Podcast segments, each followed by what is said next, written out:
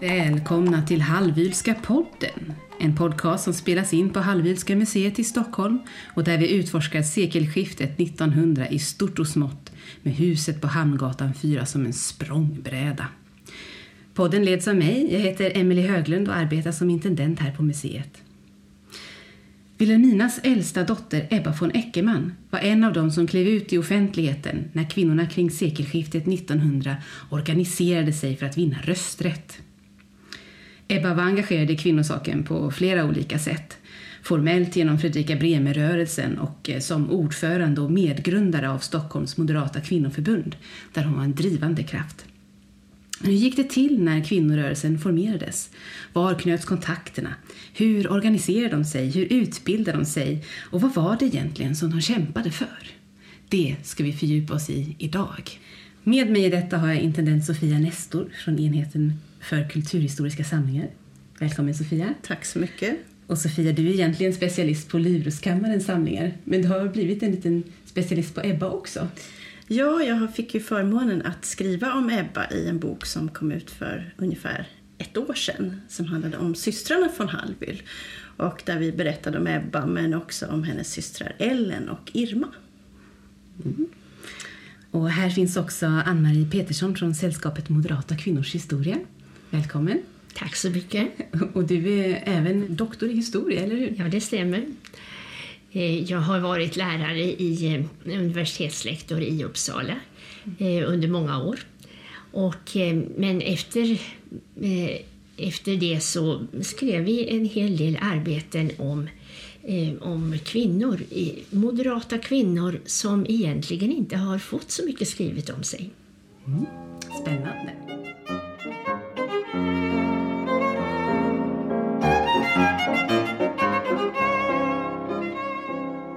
Jag tänker att vi ska börja med att eh, teckna en eh, bild av hur det såg ut vad gäller just rösträtten kring sekelskiftet. Vilka var det som hade tillgång till rösträtt? Ja, det var ju eh, eh olika på olika nivåer. Det gällde, när det gällde riksdagen så vet vi att det kom en eh, rösträttsförändring eh, överhuvudtaget genom eh, eh andra kammarrepresentationen.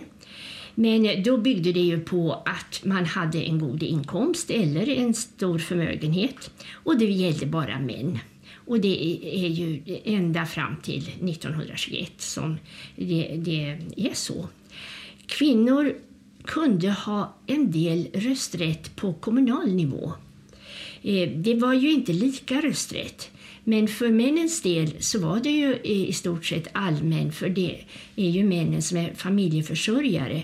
Och om man betalade kommunal skatt så eh, fick man också kommunal rösträtt. Och de kvinnor som betalade kommunalskatt, de hade rösträtt ifrån eh, eh, kommunalreformernas tid. Men det, så var det fram till 1909, att det var begränsat till de kvinnor som hade en egen inkomst utanför hemmet. Men då, i samband med att eh, männen fick en allmän och lika rösträtt till eh, andra kammaren så fick kvinnorna en allmän rösträtt, kan vi nog säga, till kommunernas organ, kommunfullmäktige och stadsfullmäktige. Du pratar om allmän rösträtt och lika rösträtt. Det kanske är något som behöver förklaras. Vad är skillnaden där? Det är olika för att eh, allmän rösträtt, då är det alla. Men lika rösträtt det är att man har lika många röster per person. Men i kommunerna var det fortfarande en graderad skala. Men den var begränsad till att den som hade mest skulle kunna få 40 röster. Eh, och den som hade minst hade då en röst. Och så fanns det en del som inte hade någon röst. Men eh, eftersom man då gav alla gifta kvinnor en röst vardera så ökade eh, deltagarantalet av kvinnor som röstberättigade våldsamt i och med den förändringen, 1909 års beslut. Vad var det som gjorde att man kunde få fler röster? Att man hade en högre inkomst och betalade en högre skatt. Man såg det egentligen som en sorts aktiebolag. Eh, där får man rösträtt efter eh, hur många aktier man har köpt. Eh, Och eh, likadant eh, i kommunerna såg man det som man skulle då ha rösträtt efter hur mycket skatt man betalade. Det var den tidens sätt att se på den kommunala rösträtten. Sen dröjde det ju fram till eh, 1918 års eh, eh, första beslut att hur kvinnorna kunde få en allmän och lika rösträtt. Men då fick man ju också med, med andra läsningen sen rösträtten till både riksdagen och till eh, de väljande organen som ju var landstinget som valde till eh, riksdagens första kammare och i kommunerna. Då, hade man, då tog man bort eh, inkomstfördelningen. Eh, då fick alla varsin röst som var röstberättigade. Jo, det är lite intressant det här med att eh, mängden röster som man hade initialt var knuten till inkomst och så. Skulle du säga att kvinnors eh, Eh, begränsningar där också har med deras roll vad gäller hanterandet av pengar att göra? Ja, det dröjde ju ett tag innan kvinnorna fick hantera sina egna pengar. Men eh, eh, de, de ogifta fick eh, bli myndiga från 25 års ålder eh, före mitten på 1800-talet. Det var 1858. Men däremot hade man fått eh, lika arvsrätt från 1845 och det var ju en utveckling i rätt riktning. Eh, det här med eh, kvinnors arbete utanför hemmet eh, är ju en senare företeelse. Men det visade sig när näringsfrihetslagarna tillkom att det var så många kvinnor som startade affärer och, och olika företag som domstolarna kunde inte få fram förmyndare.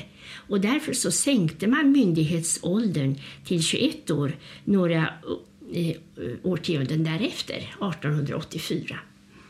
Mm. Lagen var tvungen att följa med utvecklingen helt enkelt. Ja, den här gången gick utvecklingen före lagen och så är det ganska ofta i, eh, i, i politiken, det kan man nog se. Mm. Hur, eh, hur går frågan om rösträtt från att vara grundad i eh, ekonomi till att mer handla om kön? Ja, det har väl egentligen alltid handlat väldigt mycket om kön. Eh, för att eh, det har alltid varit männens revir och det kan vi se så långt tillbaka som eh, det går. Men det är klart att det har funnits enstaka undantag. Vi har eh, eh drottningarna, vi har Margareta, Kristina och ehm, eh, det är ju, men det är korta undantag så egentligen är det inte kön enbart då. Men eh, under 1800-talet så blir det här tydligare att det är männens revir. Det finns faktiskt undantag på 1700-talet att kvinnor som bedriver borgerlig verksamhet, de röstar också så som deras män Eh, hade gjort eh, ifall mannen föll ifrån och de fick eh, överta hans verkstad så kunde de också få rösta för de de röster som hade tillkommit mannen.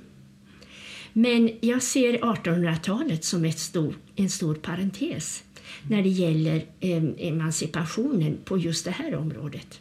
Det finns andra saker som, där emancipationen går vidare. Men när det gäller rösträtten så står det och stampar.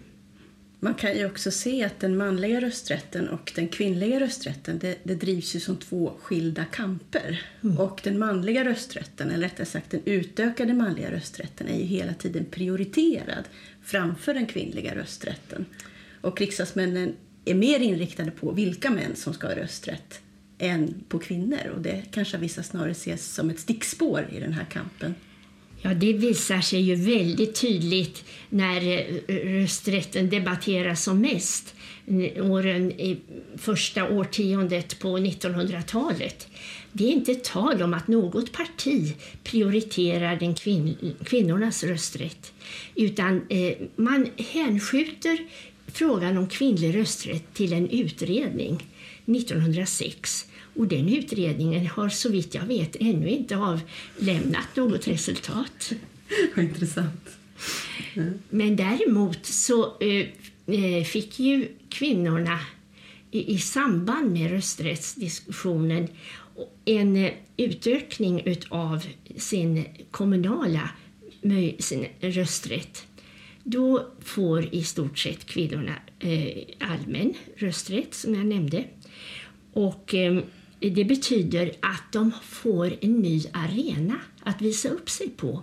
Och det var en, av stor betydelse för att kvinnorna skulle ses som delaktiga eh, och kompetenta i det politiska livet. Man kunde se att de använde rösträtten och tog del. Hur såg man på eh, kvinnans roll i samhället vid den här tiden? Vad fanns det liksom för argument för att hon skulle stå utanför rösträtten? Ja, det var nog många eh, argument om man tittar på vad som användes och en del var väl inte ur vår synpunkt sett särskilt seriösa. Man såg ju då eh, kvinnan som en särart.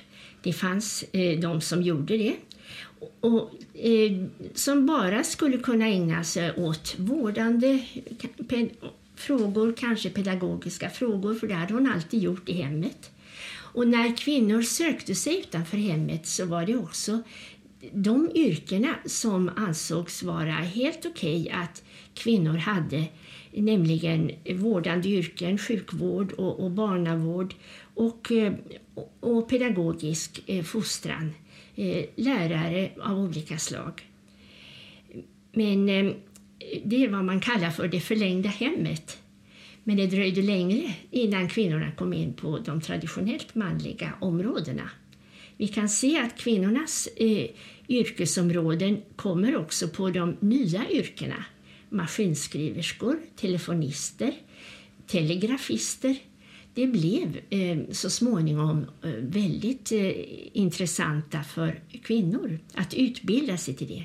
För de behövde ju utbilda sig.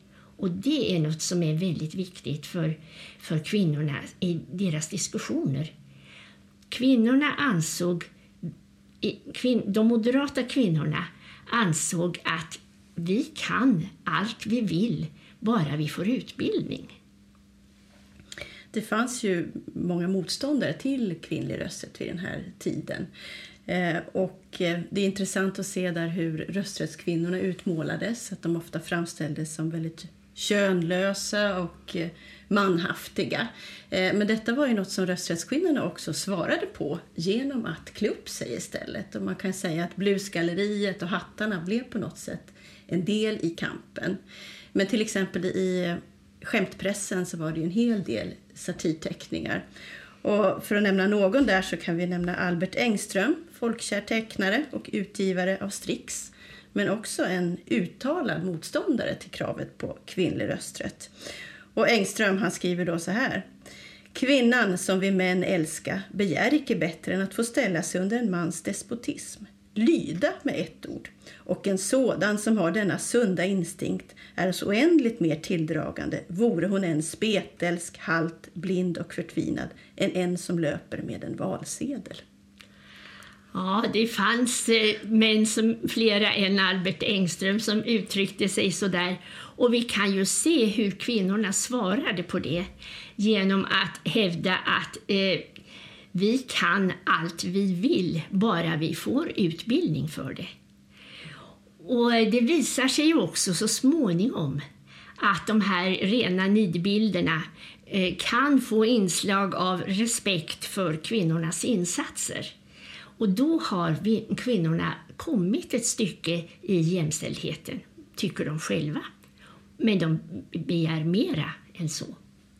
Det är också spännande att tänka på att även om kvinnorna formellt sett inte hade en plats i offentligheten, de hade inte rösträtten på samma villkor som männen och så, så var de ju fortfarande väldigt aktiva eh, i samhällsbyggandet, bland annat genom föreningslivet.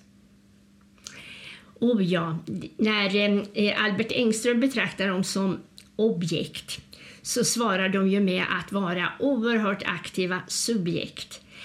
Eh, det är eh, till exempel den eh, välgörenhet som bedrevs av en mängd olika kvinnliga föreningar, till exempel i Stockholm det, eh, det skulle inte ha fungerat i den misär som Stockholm hade om det inte hade funnits så många ideellt arbetande föreningskrafter.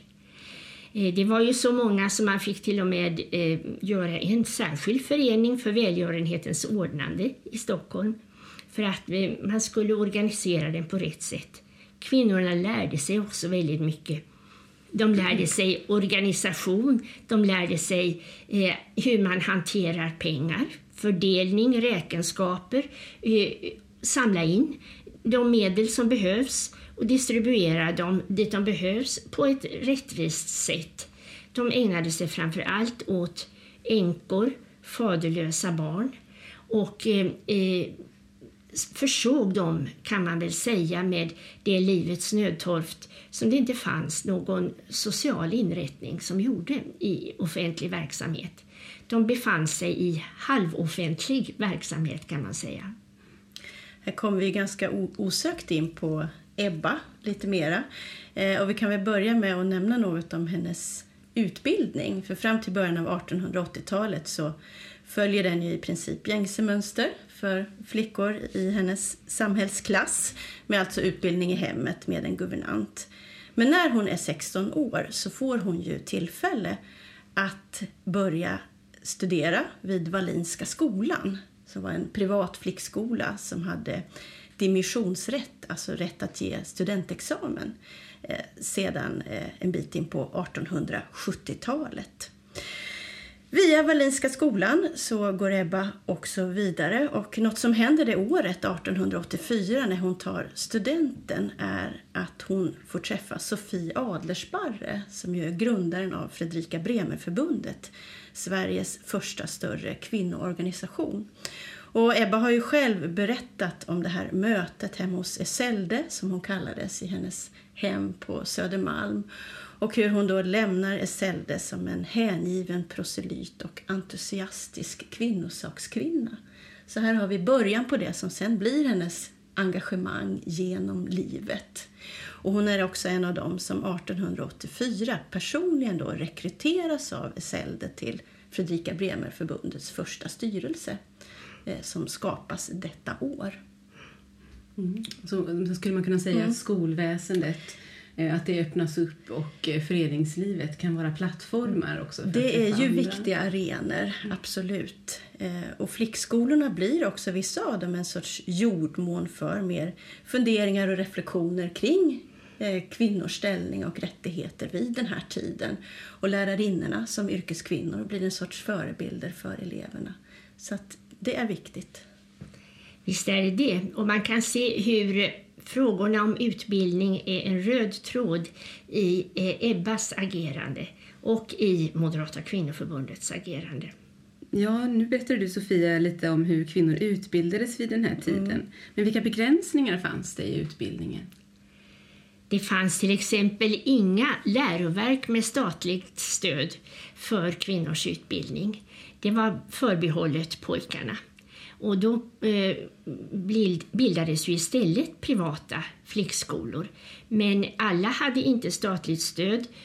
En del hade kommunalt stöd, men det kostade alltid en slant att gå i det. Så det är ju en, eh, en eh, avsevärd begränsning. Och det var Wallinska skolan är ju ett av de få undantagen för dimensionsrätt. Eh, övriga fick gå upp som privatister eh, med eh, examinatorer som de aldrig hade träffat tidigare om man ville tentera för studentexamen.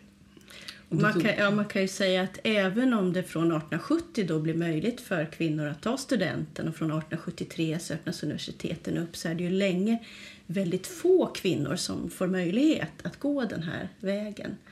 Eh, och historikern Ann-Sofie Olander hon har ju kallat de kvinnliga universitetsstuderanden för nordpolsfarare. Alltså det var förenat med samma risker att bege sig till universitetsstaden som att fara till Nordpolen.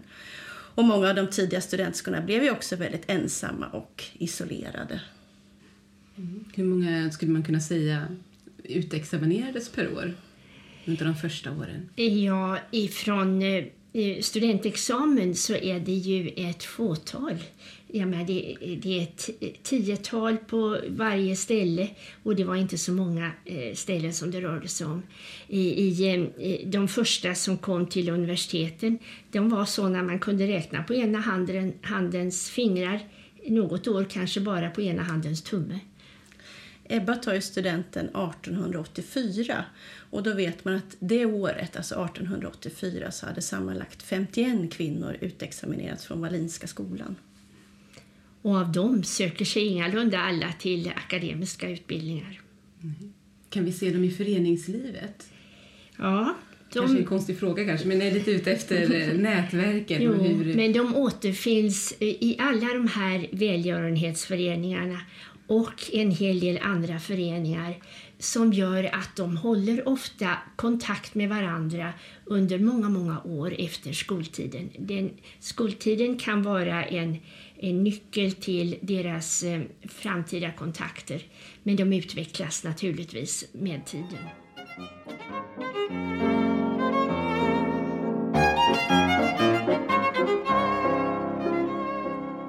När de högre läroverken öppnades upp för kvinnor var det då möjligt att eh, söka vilken utbildning som eh, låg närmast hjärtat eller fanns det några begränsningar där? Ja, det fanns ju möjligheter att söka de flesta områden men en viktig begränsning var ju att man kunde inte få arbete inom all, allt det som kallas för fullmaktstjänster. För det var enbart män som kunde få de här, eh, och det rör sig till exempel om lärare, lektorer, adjunkter. Det var också full, kungliga fullmaktstjänster. Det, det kunde inte eh, kvinnorna söka. Det rörde sig också om tjänster inom eh, domstolsväsendet. Juridik eh, var förbehållet männen. De kunde läsa juridiska kurser, de kunde till och med doktorera, men några tjänster fick de inte. Det kunde röra sig om eh, teologi. Kvinnor fick läsa vissa teologiska kurser men inte prästutbildning och de fick givetvis inte antas som, eh, som eh, präster. Men det fanns de som tidigt eh, arbetade för det. Till exempel Lydia Wahlström som på 1920-talet hävdade att kvinnor kunde visst få lov att bli präster. Ett tecken på det här exklusiva manliga reviret var ju också studentmössan. Och tittar man på bilden från Ebbas studentexamen 1884 så är det två flickor som har mössan på huvudet men Ebba själv står med mössan i handen. Och det är lite symboliskt därför att skolans föreståndarinna hon uppmanade just flickorna att när de gick ut så skulle de inte bära sina studentmössor utan så som verkligt fina flickor hålla dem inlagda i sina påsar. Och det är just för att studentmössan i sig var ett manligt attribut och inte ett kvinnligt så tillvida.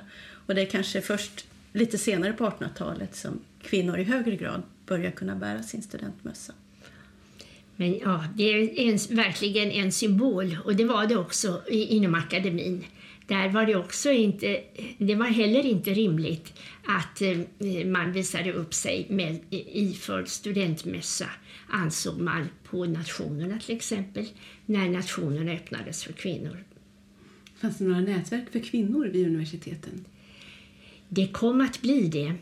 Det kom att bli eh, en, eh, en väldigt betydelsefull förening i Uppsala där Lydia Wahlström startade den kvinnliga studentföreningen. Den blev en, samman, eh, en, en, en sammankomst för alla i stort sett alla de kvinnor som fanns och till och med att den betraktades som en, en kvinnornas eh, studentförbund som fick eh, statliga och, och eh, universitetets förslag på remiss dit så man kunde få besvara de frågor om förändringar som var i tiden. Många av de här tidiga kvinnosaksföreningarna hade ju ett fokus på utbildning också. Till exempel Fredrika Bremer-förbundet, där fanns det en stipendieavdelning, eller hur? Som skulle verka för just utbildning av kvinnor. Det var ju en av de tidigaste insatserna som man gjorde. Eh, just att man ville ge kvinnor möjlighet till självförsörjning. Eh, och det här är ju något som faktiskt Sofia Adlersparre pratade med Ebba om första gången som de träffades. En person som är väldigt viktig i det här sammanhanget det är också faktiskt Ebbas mormor som hette Johanna Kempe och som var en tidig och mycket varm beundrare av Fredrika Bremer och som stödde Fredrika Bremer-förbundet med stora summor just vad gäller stipendier till kvinnliga studerande. Och bland annat så skänkte då Johanna Kempe 30 000 kronor, vilket motsvarar ungefär 2 miljoner i dagens penningvärde, till en stipendiefond för kvinnliga läkarstuderande. Den här gåvan den skedde dock med förbehållet att hon skulle få förbli anonym. Så det var ett stort arbete i det tysta som hon gjorde. Och det ska sägas att det här är sen också ett arbete som Ebba fortsätter. Hon blir medlem i stipendieinstitutionen 1907 och verkar sedan under många år som dess ordförande och hjälper då kvinnliga studerande med dess försörjning. En spännande sak med just den här donationen också, Sofia, det är ju det att hon gör den först efter att hon har blivit änka. Det är ju en så pass stor penningsumma som hon egentligen då som, som en gift kvinna inte kan göra utan sin mans signatur. Nej, men som änka så är hon fri och självbestämmande på ett annat mm. sätt. Och då tänker jag att vi kommer in på det här med myndighet. För att eh, det är lätt att föreställa sig förstås vilka gränser för inflytande som man får om man inte är berättigad med rösträtt. Men vilka gränser sattes upp av att vara omyndigförklarad? Eller omyndig från början förstås. Alltså det första är ju åldersgränserna och det nämndes som att eh, den första förändringen var att göra ogifta kvinnor myndiga vid 25 års ålder. Det var helt revolutionerande jämfört med hur det hade varit tidigare. Eh, medan eh, i det här läget så är det fortfarande gifta, äh, gifta kvinnor som är beroende av sin man. Eh, det mildras en del eh, gifta kvinnor kunde få lov att ta hand om sin egen inkomst av arbete Eh, och då hade inte mannen myndighet eh, över den. Men det dröjde väldigt länge innan gift kvinna blev helt myndig. Och i förhållande till sina barn hade hon inte samma rätt att ta hand, bli förmyndare för sina barn förrän eh, efter andra världskriget, långt efter, eh, efter detta. Och det är en lång väg som kvinnor har haft att gå till full myndighet. Man börjar på en nivå där eh, ens eh, förvärvsinkomster egentligen tillfaller en man. Ja. Eh, inte dig personligen och sen får du be om den. Enligt lagen var det så. Sen kan vi ju konstatera att lag är en sak men tillämpning i det vanliga livet är en annan. Och vi vet också att det finns många mycket myndiga eh, kvinnor i all bemärkelse. Eh, kraftfulla kvinnor som egentligen har varit familjens överhuvud när det gäller eh, den, eh, med ekonomin. Vi ska komma ihåg att under tidernas lopp så var, var kvinnorna kvar i landet och männen kunde vara borta i krig. Det fanns officerare som var borta mycket. Det fanns också knektar och andra. Men eh, det som är kvar, det är kvinnorna och de eh, gör allting. De klarar av det mesta under eh, den tid de får lov att visa det. Apropå kvinnornas informella makt så kan vi också påminna oss om vad Ebba säger om sina föräldrar Wilhelmina och Walter von Hallwyl. Och hon säger då att pappa var snäll och beskedlig. Det var mamma som bestämde allt. Ett bevis för det har vi ju i att vi överhuvudtaget kan ses här idag och det här museets existens. Så att säga. Det vet vi ju vem det var som drev igenom. Och vi kan se att det var Ebba som bestämde allting om eh, gården Södertuna. Det var hon som såg till att bygga upp Södertuna till det vi kan se idag. Eh, den var mycket nedgången. Där eh, hon fick det efter att eh, man hade flyttat tillbaka till Stockholmstrakten efter en vistelse i Karlskrona på grund av makens tjänstgöring där. Eh, men Ebba gjorde det på ett förnämligt sätt. Hon fick gården på fötter eh, hon var också den eh, driftige företagaren genom att bruka gården. Det finns en diskussion också inom kvinnorörelsen vad man ska vinna först, utbildningen eller rösträtten. Behöver man vara utbildad för att kunna rösta eller ska rösträtten komma först och sen bildar man sig? Vill du säga någonting om, om den här diskussionen? Jag tror att det är bra att kvinnor med utbildning går i, för, i spetsen med kraven. Så var det ju ofta. Det var eh, eh, utbildade kvinnor. Men vi ska heller inte glömma att det finns en lång tradition med att eh, den, eh, den eh, eh, alfabetiseringsutbildningen den har varit lika för män och kvinnor. Alla har fått lära sig läsa och redan i början på 1700-talet kunde både pojkar och flickor som eh, gick konfirmationsundervisning, de kunde läsa för det var nödvändigt att de lärde sig läsa både Bibeln och katekesen. Och kan man läsa dem så kan man läsa annat också.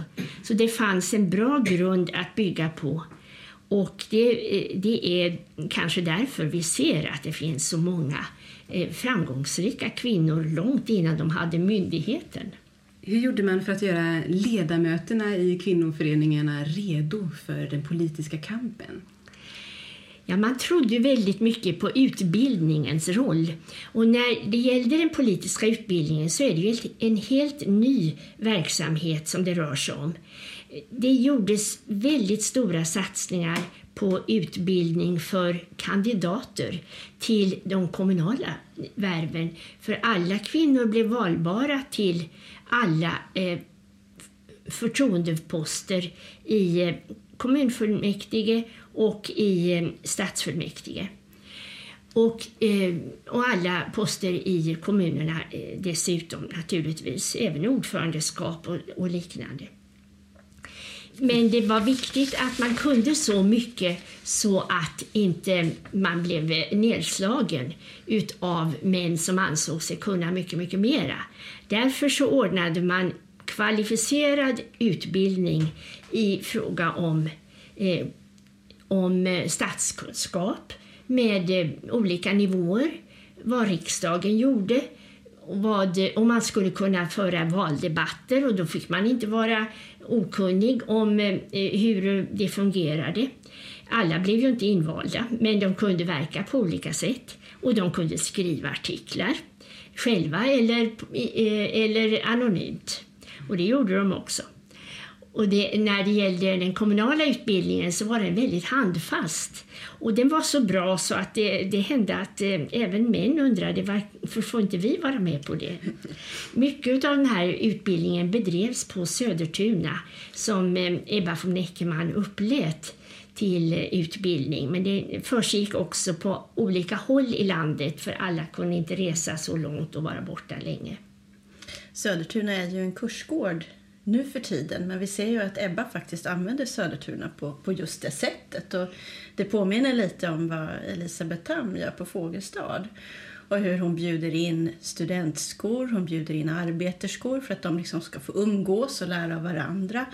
Och hon ägnar sig också mycket åt flickscouterna eh, som får hålla läger eh, och kurser på Södertuna och sen 1925 så skänker hon ju faktiskt också en utgård på Södertunas ägor till just flickscouterna och verkar under väldigt många år som deras goda fe och storsponsor. Man kan använda sitt hem som en arena också. Mm. Man säga. Det är verkligen det vi ser. Var det några särskilda områden som man fokuserade på i den här utbildningen? Jag tänkte på det att männen i högre grad hade tillgång till eh, den juridiska Ja, man hade mycket eh, eh, kring eh, hur fungerar en kommun, hur fungerar rättsväsendet och, och, och sådant. Eh, men man hade ju också handfast eh, utbildning av exempel ifrån verkligheten. Man, och man fick ha debatter. Eh, man eh, övade sig att eh, framträda inför publik. Det är en viktig del av det hela det är ju inte bara att verka inom kommunen utan det var också en fråga om att agitera. Det, eh, alla agiterade inte lika mycket men eh, det, det var en fördel om det var fler och fler som kunde göra det i valrörelserna. Man hade ju ett, eh, ett samarbete med Allmänna valmanförbundet, inte minst när det gällde eh, de kommunala valen.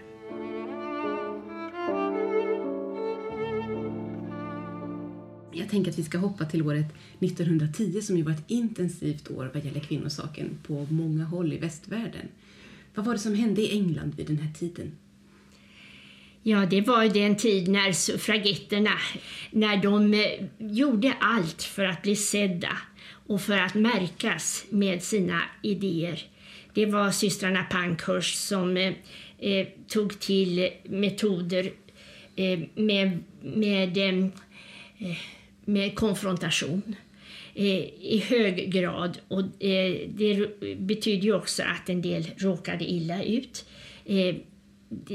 Det blev just 1910 blev det lite utav en, en strävan efter att komma bort från det alldeles eh, eh, konfrontationen som eh, vi kan märka det i Sverige där när man bildar Sveriges moderata kvinnoförening, den första i Stockholm 1910, så poängterar man att man vill inte ha konfrontation, man vill ha ett samarbete. Man vill kunna övertyga med argument om att kvinnorna ska ha rösträtten. Det är en jämlikhetsfråga, det är en rättvisefråga. Men man vill inte ut på gator och torg och förstöra butiker, slåss för det. Och, och, det är en, eh, en stämning för att det också är bättre att arbeta med, med att övertyga i Sverige på den här tiden. Precis, och det gäller ju Landsföreningen för kvinnans politiska rösträtt i allmänhet. Mm. Just att man hellre vill arbeta lugnt och ordnat för den kvinnliga rösträttens genomförande och faktiskt då på så sätt tog, tog avstånd från de här mer våldsamma metoderna som suffragetterna använde i England. Den här landsföreningen som du nämnde nu, när grundades den? Ja, Vad gick den ut på? Det började ju då 1902 och någonting som var något av den tändande gnistan då för den organiserade kvinnliga rösträttsrörelsen det var ju att det här året så lades det ett förslag om att gifta män skulle ha dubbla röster. Och inte långt efter det så började då kvinnorna organisera sig och redan i juni så bildas Föreningen för kvinnans politiska rösträtt. Och året därpå så kommer en större Eh, landsomspännande landsföreningen för kvinnans politiska rösträtt som snart har ett 50-tal eh, lokalföreningar och växer snabbt efter det. Eh, 1911 tror jag att det är ungefär 17 000 medlemmar i LKPR. Och det är också det året då det hålls en stor internationell rösträttskongress här i Stockholm som väcker mycket uppmärksamhet. Och som också passade på att eh, vara lite här i huset, eller hur? Ja, inte just den. Inte Nej, 1911 så äger två stora begivenheter rum i Stockholm. Dels den här första då, internationella rösträtts eh, Eh, som anordnas av International Women's Suffrage Alliance där LKPR är medlem sedan 1904. Och den äger rum i början på sommaren. Men sedan i september så träffas en annan stor kvinnoorganisation, International Women Council, träffas i Stockholm för ett möte.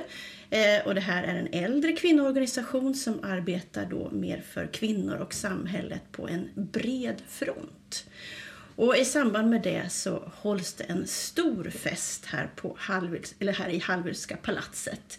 Och det är då Wilhelmina von Hallwyl som är värdinna tillsammans med dottern Ebba och hennes båda döttrar. Det är 300 inbjudna gäster som bjuds på en utsökt supé berättas det. Och det är operasångerskor som underhåller och många gäster passar också på att beundra då de rika samlingarna som finns här. Och I Aftonbladet så berättar den utsända att överallt så hörs det utrop på olika språk av beundran och förtjusning. Var stod då Wilhelmina själv i kvinnofrågan kan man ju fundera lite på. Och det finns väl inget entydigt svar i den frågan. Men vi hittade ett brev som är skrivet av Ellen Kronberg som alltså var hustru till konstnären Julius Kronberg och som har gjort mycket i Hallwyska palatset.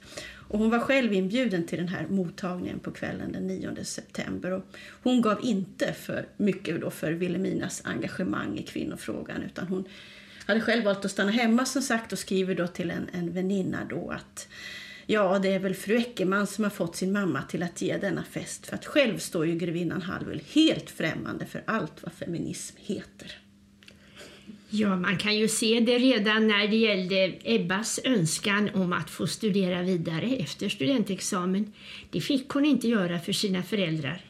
Eh, det kan ju inte ha varit brist på ekonomiska medel utan det måste vara en attityd Ebba skulle ut i eh, societetslivet och hitta någon som ville gifta sig med henne. Och så blev det. Men det där är en sak som gick Ebba hårt till sinnes och hon talar om det när det gäller hur hon vill uppfostra sina egna barn. Alla flickor ska få den utbildning de önskar sig.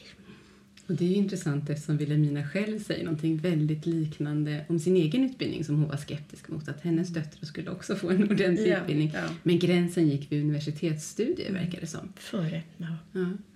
Och det, men det kanske också avspeglar lite synsättet i tiden på kvinnor. Vi var inne lite grann på det också. Eh, i Det- ja. Vad man anses lämpad för och vilka konsekvenser det kunde få. Det, det kan man absolut se. Om, om man ser vad Ebba har berättat om det här i efterhand så säger hon ju då att föräldrar hänvisar till att föräldrarna då menade att det var mot allt sunt förnuft att eh, skicka en ung flicka till Uppsala och där låta henne bli in, inkvarterad då bland främmande människor. Och här andas väl, möjligen, andas väl möjligen en sorts moraldiskussion, att man ser det här olämpligt, man tänker att man vill inte riskera Ebbas chanser på äktenskapsmarknaden. För det är ju trots allt äktenskapet som är det givna målet för de flesta flickor vid den här tiden. Det fanns ju också teorier om att eh, höga studier kunde göra att livmodern krympte hos kvinnor. Vilket ju inte är så bra sedan eller att gift. kvinnan Att skulle förlora sin sanna kvinnlighet, den typen av resonemang. Och vi kan väl se om man tittar på det här, Ebbas eh, examensklass, då är de ju nio flickor som tar studenten samtidigt och det är två som fortsätter till Uppsala universitet. Så att de flesta gör det inte och det är en av dem som tar examen. En hög tröskel att ta sig förbi. Mycket.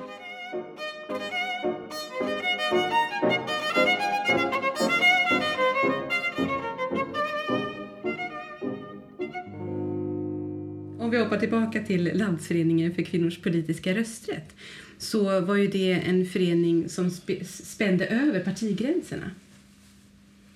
Ambitionen för eh, föreningen var ju att vara partipolitiskt neutral. Men i själva landsföreningen så fanns ju många kvinnor med olika partifärg. Eh, och den här linjen hölls ju väldigt länge. Men ju mer tiden går desto mer kommer tendensen att det börjar bli en partifråga. Och det här drivs då till sin spets några dagar efter den här stora rösträttskongressen i Stockholm på sommaren då 1911 när centralstyrelsen beslutar sig för att endast stödja de partier som är för kvinnlig rösträtt, vilket då innebar liberaler och eh, socialdemokrater. Och det här ställer naturligtvis högerkvinnorna i rörelsen inför ett väldigt svårt läge. Och det är också då som Ebba tar till orda i en skarp debattartikel Eh, bara någon vecka eller två efter att det här beskedet har kommit där hon då kritiserar centralstyrelsen och Anna Whitlock och menar på att högerkvinnorna nu befinner sig i ett mycket knepigt läge. Hon menar ju att det vore bättre att stödja högerkvinnorna för att de ska kunna eh, påverka sitt parti än att eh, göra dem isolerade. Men det visar sig också att eh, väldigt många högerkvinnor är ändå kvar i landsföreningen.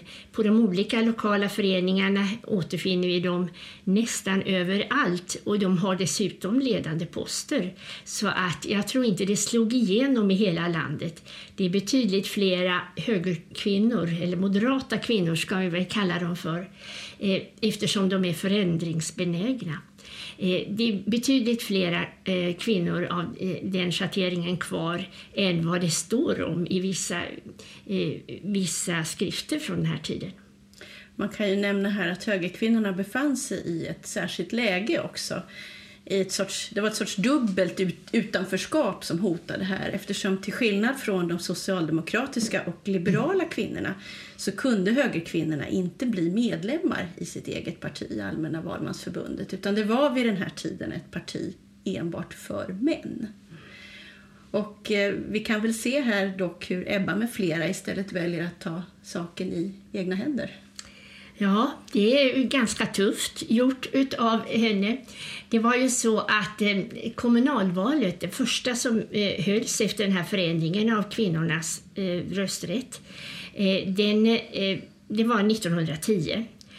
Och eh, då var inte eh, kvinnorna medlemmar i, i partiet. De eh, kunde heller inte avgöra vilka som blev nominerade.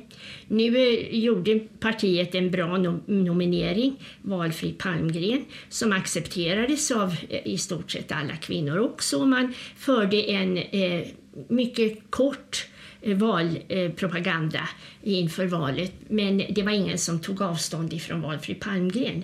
Men inför nästa val så var man överens om att nu skulle kvinnorna kunna påverka nomineringarna. Och det, då måste man vara organiserad på något sätt för att ge kraft bakom orden. Och det är därför man träffas 1911 för att förbereda en, bildandet av en organisation. Sverige, eh, Stockholms moderata kvinnoförening. Det tar eh, några månader innan man har eh, gjort det klart med eh, att skriva eh, stadgarna. Det var bland andra Berta Welin som deltog i stadgearbetet men det är också en, en, eh, en van manlig eh, stadgebearbetare som bistod dem, Hildebrand, som också har funnits med när Röda Korset skrev sina stadgar. Den eh, här föreningen fick redan från början 500 medlemmar i Stockholm. Man kan nog säga att eh, arbetet inom de här nätverken som vi talade om har fungerat mycket väl. För det är ingen liten, inget litet antal som redan första dagen ansluter sig som medlemmar till Stockholms moderata kvinnoförening. En stark början. Ja, och mycket av förarbetet sker ju hemma hos Ebba i hennes våning som familjen då har på Sturegatan 32. Och det är också Ebba som då 1911 blir förbundets första ordförande. Och sen några år senare så kom ju då ett riksförbund, Sveriges moderata eh, kvinnoförbund. Eh, och då utökas Ebbas förtroende till att leda även detta. Ja, vad vill då det här förbundet? Ja. Det kan man se i stadgarna, eller hur Ann-Marie? Ja, de vill alltså övertyga männen om det rimliga i att ha så jämlika förhållanden som möjligt. Och det är när det gäller rösträtten, det är när det gäller utbildningen. Men det är också frågor som de själva upptäcker är frågor som ingen egentligen har brytt sig om ordentligt men som har åstadkommit en väldigt skev eh, fördelning inom riket. Och en sådan fråga tänkte jag att vi skulle ta upp, för den är så speciell. Det, när eh, det kom en stor eh, utredning om emigrationen så ansåg utredaren Gustav Sundberg att man skulle väl kunna upplåta mark i Sverige som inte var uppodlad och låta eh, de som var utan jord, för det var det man hade eh, sett som en stora eh, önskan, jordbrist för de som ville bli egna för odlare, egna lantbrukare. Och då upplät man också dalgångar i Lappland eh, och i andra delar av eh, eh, perifera delar av landskapen, Värmland, Dalarna. Men det följde inte med någon infrastruktur, inte någon offentlig verksamhet där. Det fanns inte sjukhus, det var det mest påtagliga. Det saknades eh, barnmorskor, det saknades barnbördshus. Och eh, det var en fråga som Moderata kvinnoförbundet började arbeta med eh, när man såg vad som fattades. Man började samla in pengar för att det skulle byggas sjukstugor. De pengarna fick Röda Korset. Man räknade med 30 sjukstugor som behövdes i de här perifera områdena. Eh, det var, eh, och man samlade in mycket pengar och Röda Korset började bygga en hel del. Men sen räckte det ju inte med att ha hus. Man måste ju fylla dem med kvalificerad personal. Där spelar Fredrika Bremer-förbundets stipendiefond en roll. Den eh, kunde ju ge ekonomiska möjligheter att utbilda sjuksköterskor, de som annars inte eh, klarade av det själva. Eh, och det måste också finnas utbildade läkare, men det är staten via riksdagen som bestämmer var läkarna ska placeras. Och där gör Eh, Kvinnoförbundet en eh, otrolig insats genom att skriva om det, genom att genom att uppvakta regeringen, genom att gå till talmannen och begära att det ska inrättas flera läkartjänster i eh, ödebygderna. Och de får igenom sina förslag. De moderata föreningarna i hela landet arbetar med detta och eh, vi har ett vittnesbörd ifrån Värmland där en mycket aktiv person, Shanna Nilsson, har eh, personligen medverkat till att det här eh, byggs upp inom föreningarna. Arjeplog, Korpilombolo, Saxnäs, Dikanäs, Tärendö, Bergnäsudden, är några av de namn som blev kända ute i de lokala förbunden där det arbetades på olika sätt att fylla behovet, inte bara av sjukvård utan också av sjukvårdsmaterial. Det här visar ju tydligt och klart att det inte bara är rösträtten som är på tapeten i kvinnoförbunden. Man ser ju både hur det är både politiska frågor och sociala frågor som drivs parallellt i förbundet under hela den här tiden. Eh, och Bland annat så arbetar man ju för eh, barnmorskorna och högre löner för dem.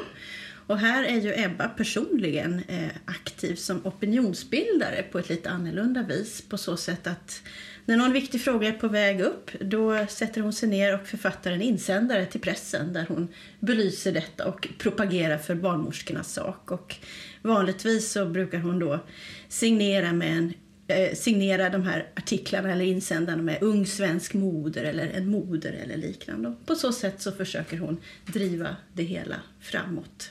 Och det här sättet att använda pressen för just opinionsbildning det är hon ju inte heller ensam om, eller hur? Nej, det är många i hennes närmaste krets som eh, gör det. Och det är en sorts lobbyverksamhet man bedriver. Man hade ju inte direkt tillgång till, eh, till eh, talarstolarna i riksdagen eller i kommunerna eh, utan bara via sina ombud. Men när något utav, eh, någon av dem eh, för fram en fråga så understöds det kraftfullt av föreningsmedlemmar som skriver i pressen på det här sättet. Ann-Marie, du nämnde talarstol här, riksdagens talarstol och det får mig osökt att tänka på Ebbas egen talarstol. Eh, för att det var ju även det muntliga ordet som hade stor betydelse och Ebba for ju land och rike runt och höll tal för att elda massorna. Eh, och eftersom talarstol ofta saknades så lät hon gårdsnickaren på Södertuna tillverka en egen talarstol till henne som hon sedan medförde då i bakluckan på bilen. Och den ingår idag i Hallwylska museets samlingar. Och vi har ju för tillfället en utställning som handlar om Ebba von Eckermann. Och där kan man se den talarstolen i utställningen och det är ju verkligen ett symboltyngt föremål skulle jag säga eftersom talarstolen samtidigt är någonting av en symbol ska vi säga, för den manliga makten. Men nu bestiger Ebba talarstolen och hon överträder därmed någon sorts osynlig gräns för vad vissa anser är lämpligt för kvinnor att göra. Jag måste flika in här nu för vi har märkt att poddarna, de här avsnitten har ett långt liv att den här utställningen den kan man alltså endast se på museet fram till den 18 augusti 2019. Så att man inte kommer hit och blir besviken.